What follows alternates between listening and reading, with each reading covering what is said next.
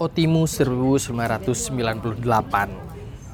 Satu jam sebelum para pembunuh itu menyerang rumah Martin Kabiti di malam final Piala Dunia, Sersan IP menjemput Martin Kabiti dengan sepeda motornya.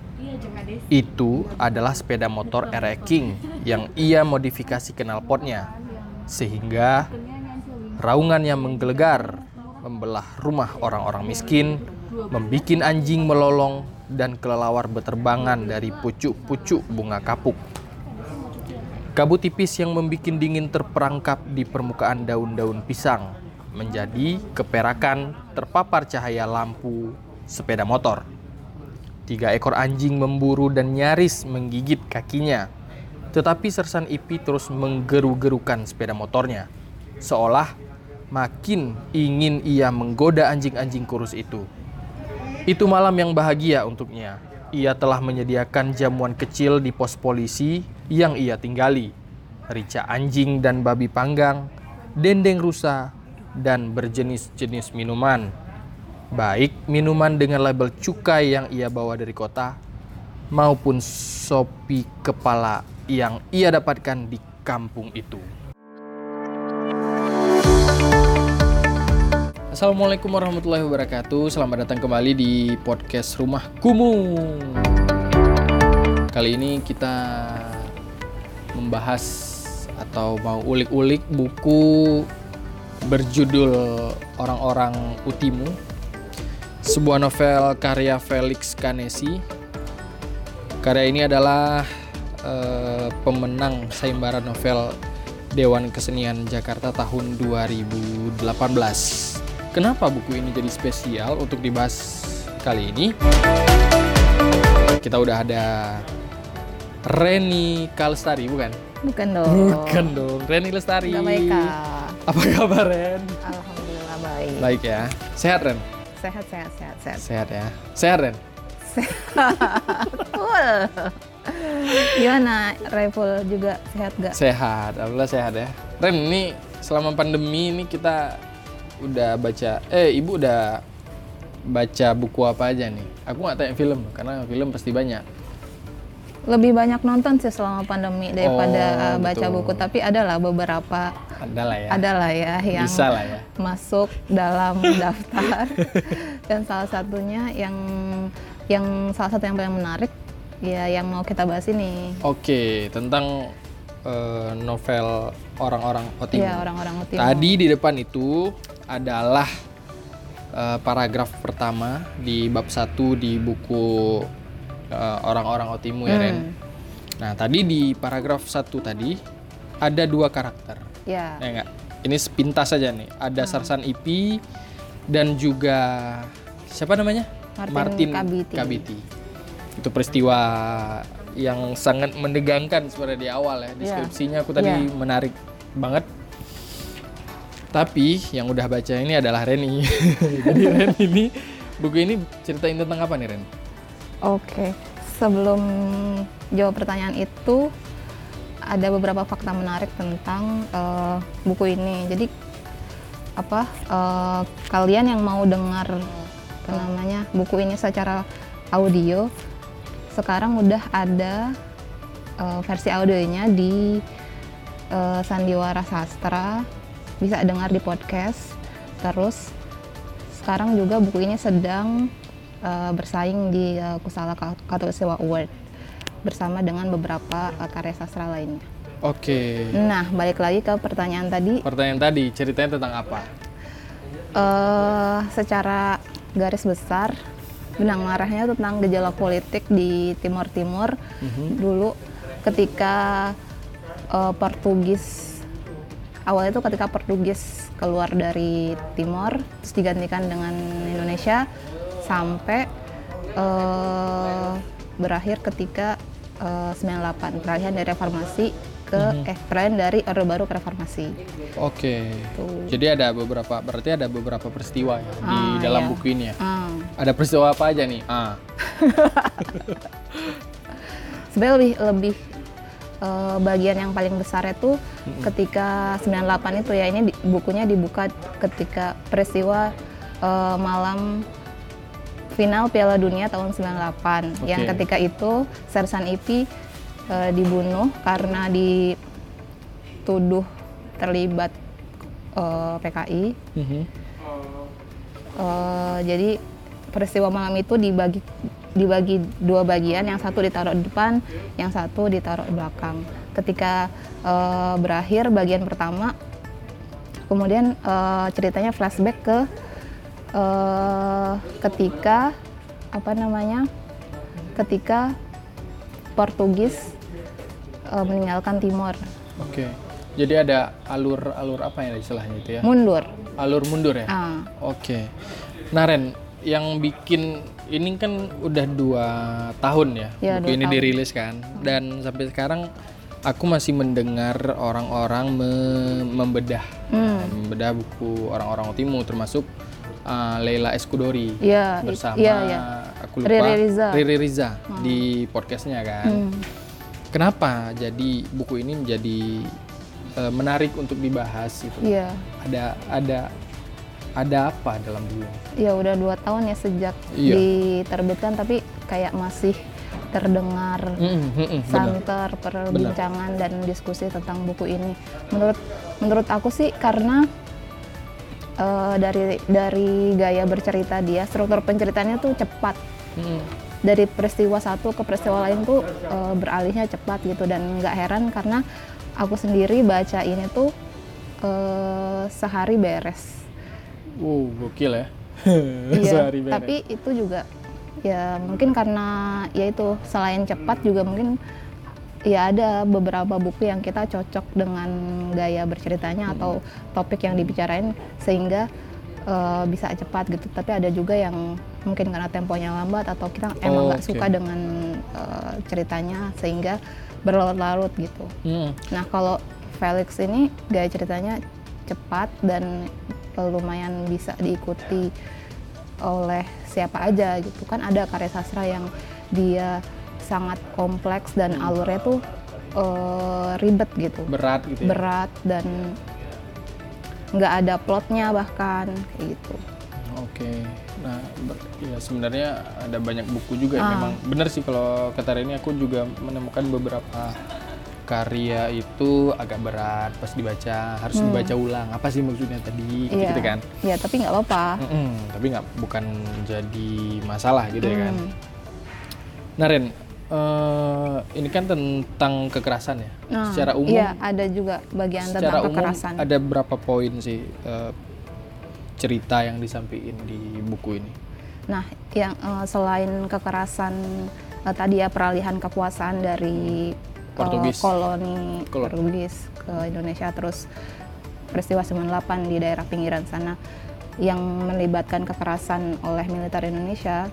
Di sini diceritakan juga eh, tentang eh, bagaimana kekerasan seksual terjadi di institusi keagamaan Oke. Tuh ini nyambung juga dengan eh, kita tahu beberapa waktu lalu Felix sempat ditahan kepolisian karena Oke. dia eh, melempar melempar kaca kantor polisi setelah dia marah karena eh, kasus kekerasan seksual di di apa namanya di sekolah eh, keagamaan di tempat dia tuh nggak ditangani secara serius sama tokoh setempat gitu ya bisa dipahami. Kita bisa memahami keresahan Felix lewat cerita di dalam buku ini. Gitu. Oke. Berarti eh, sebenarnya orang udah kalau pendengar yang udah mulai dengar dari awal tadi udah paham ya bahwa ini sebenarnya kisah nyata ya Ren ya. Ah ya, nah waktu tahun lalu tuh saya sempat hadir di acara yang ada Felixnya. Eh, dia cerita proses salah satu proses kreatif dari penulisan di buku ini dia ketemu sama orang-orang di Utimu. Utimu tuh emang ada gitu di sana di Oke. Timur gitu. Dia ketemu kemudian eh, sama orang-orang di sana dan mendengar cerita langsung eh, bagaimana keluarga mereka diperlakukan oleh militer Indonesia saat itu. Dan waktu itu Felix sempat eh, berkaca-kaca juga menceritakannya. Oke. Tuh, jadi Iya, cukup emosional ya. Sentimental. ya nggak sih bahasanya? Aku juga nggak tahu.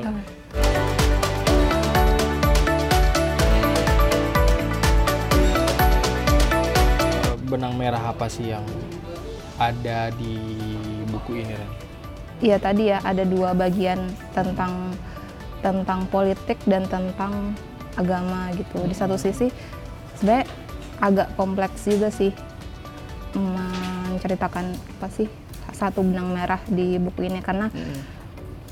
dia cerita tentang latar belakang sosiokultural di sana terus apa namanya kompleksitas eh, konflik di Timur Timur waktu itu sampai dengan eh, bagaimana kekerasan tahun 98 itu terjadi di pinggiran kita nggak tahu kan bagaimana eh, apa namanya peralihan kekuasaan dulu tuh Iya, berdampak iya. Betul. sama orang-orang ya- di daerah timur gitu. Kita tahunya di Jakarta terjadi kekerasan, orang Cina di di di ya kita tahu semua kayak gitu. Hmm. Tapi di buku ini diceritakan hmm, apa yang terjadi saat itu. Nah, yang kedua juga bagian tentang eh, institusi agama dalam hal ini institusi gereja. Saya melihat Felix berusaha memisahkan antara institusi gereja dengan ajaran agama. Apakah itu yang jadi kontroversi atau sebenarnya menurut Reni itu udah tepat gitu loh dia memisahkan untuk menceritakan ini gitu. Atau Iya. maksud dia barangkali tidak melibatkan eh, agama itu sendiri ya tapi melibatkan orang di institusi ini ya atau Hmm. gimana? Iya, ya menurut menurut aku sih emang itu ya yang seharusnya eh, perspektif kita terhadap Perspektif kita ya. terhadap agama gitu. Jadi kita tidak istilahnya mensucikan orang-orang eh, orang-orang di balik agama itu maksudnya Hmm. eh, pastor misalnya. Mereka kan tetap manusia yang bisa berbuat dosa dan Hmm. berbuat salah. Hmm. Tidak kemudian ketika seseorang ditahbis, ditahbiskan menjadi pastor atau pemuka agama lain, eh, kita nggak nggak bisa adil gitu loh. Hmm, Oke. Nah di buku ini di buku ini di- salah satu pembukanya ada eh, dia bilang bahwa ketika seorang pastor ditahbiskan Tuhan berhenti bekerja dan turun dari surga untuk meraupi eh, kepala si pastor itu. Itu menunjukkan eh, dia mau menunjukkan betapa sucinya seorang pastor. mau institusi agama mana pun kalau seandainya ada kesalahan atau pelanggaran hukum ya di di tetap harus diadili secara hukum gitu ya. Iya harusnya begitu. Tapi kan karena karena apa ya stereotip yang melekat di masyarakat kita di masyarakat timur khususnya lo ya pasar itu eh, bukan pribadi yang Boleh berbuat dosa gitu Oh gitu. bebas dosa istilah Oke. gitu bebas dosa sehingga nggak bisa dipersalahkan Sebenarnya kasus-kasus kayak gini nggak hanya terjadi di satu institusi agama gitu. Iya, kan. tentu Itu saja terjadi banyak di ya. banyak agama Iya. gitu loh. Tapi aku setuju ya dengan pandangan pandangan si Felix kalau seandainya ini yang kita bilang benar ya. Ah. Karena kan yang tahu bagaimana sebenarnya pandangan dia terhadap uh, kekerasan dan juga Hmm. uh, pelecehan seksual itu dari si penulisnya sendiri kan Iya. Ren. Oke. Nah Ren, ada lagi nggak yang kira-kira menarik untuk dibahas? Aku karena buku ini itu di mana-mana masih jual. Iya masih dijual. Ah, Ini hmm, udah masuk cetakan ketiga kalau nggak salah kemarin di Felix, eh, di Instagramnya Felix tuh dia sempat update gitu Oh gitu. dan masih dijual di mana-mana. Menarik ya buku-buku ini. Iya. Tapi eh, yang harus disadari adalah ya, ini buku ini pasti eh, kontroversial ya, karena menyangkut salah satu ceritanya itu menyangkut tentang agama. Hmm, Karena kan di Indonesia itu eh, agak sensitif kan berbicara perihal agama. Cuman si Felix ya udah dia berusaha menyampaikan aja gitu kali. Iya. ya. Hmm, Pasti resikonya besar nggak sih? Menurut aku besar. Atau mungkin terselamatkan karena eh, yang dia bahas tuh bukan agama mayoritas kali ya. Hmm, tahu ya bisa jadi ya.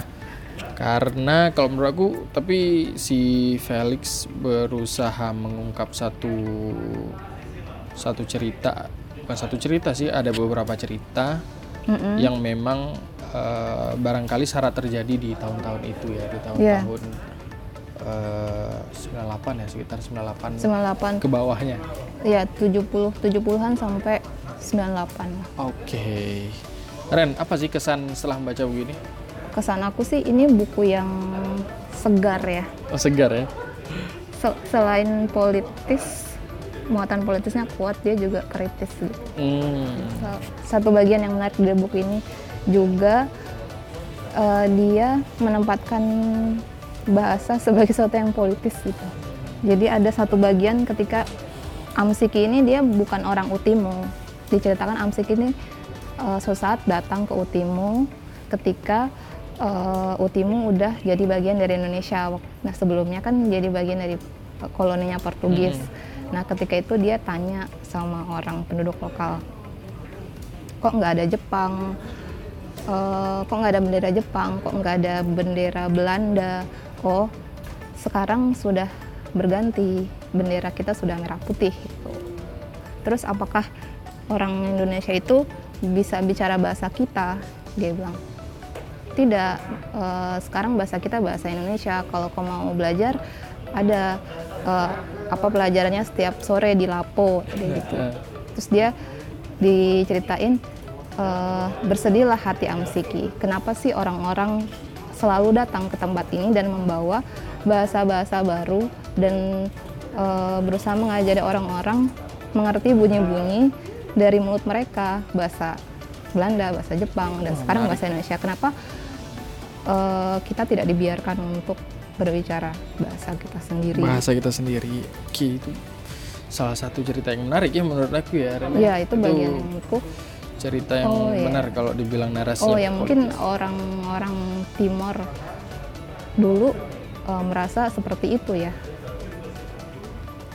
bisa jadi. Hanya apa namanya kekuasaan yang berganti tapi mereka tidak dianggap sebagai sebuah masyarakat yang udah ada gitu. Tapi sebagai produk aja kali. Bisa jadi. Oke, Reni, terima kasih udah bagi-bagi Ren. Iya. Udah, Aku seneng banget. Berarti ini segera harus baca ya. Kalau yang senang baca silakan baca. Kalau Kalau yang senang baca silakan baca. Le- lebih bagus beli. baca sih. Lebih bagus baca. Kalau enggak ya kayak tadi bisa akan macam-macam. ya bisa juga dengar dengar au- audionya Mm-mm. di Sandiwara Sastra. Di Sandiwara Sastra. Kok jadi iklan Sandiwara Ya, Sastra ya? Masalah, santai aja. Atau kalau mau dengar uh, bedah bukunya Lela Escudori, Oh ya itu bisa juga. itu bisa juga di podcast juga Karena tentang itu di- buku yang sama. Ya itu dibahasnya satu jam yang Itu dibahasnya satu jam setengah Nah, Ren, yang yang 75 bahasnya menit. Tere Riza. Mm-mm. Wow. Oke, Ren, makasih ya. Kita nanti jumpa di podcast Rumah Kumuh selanjutnya. Saya Raiful dan Reni pamit. Assalamualaikum warahmatullahi wabarakatuh. Ya.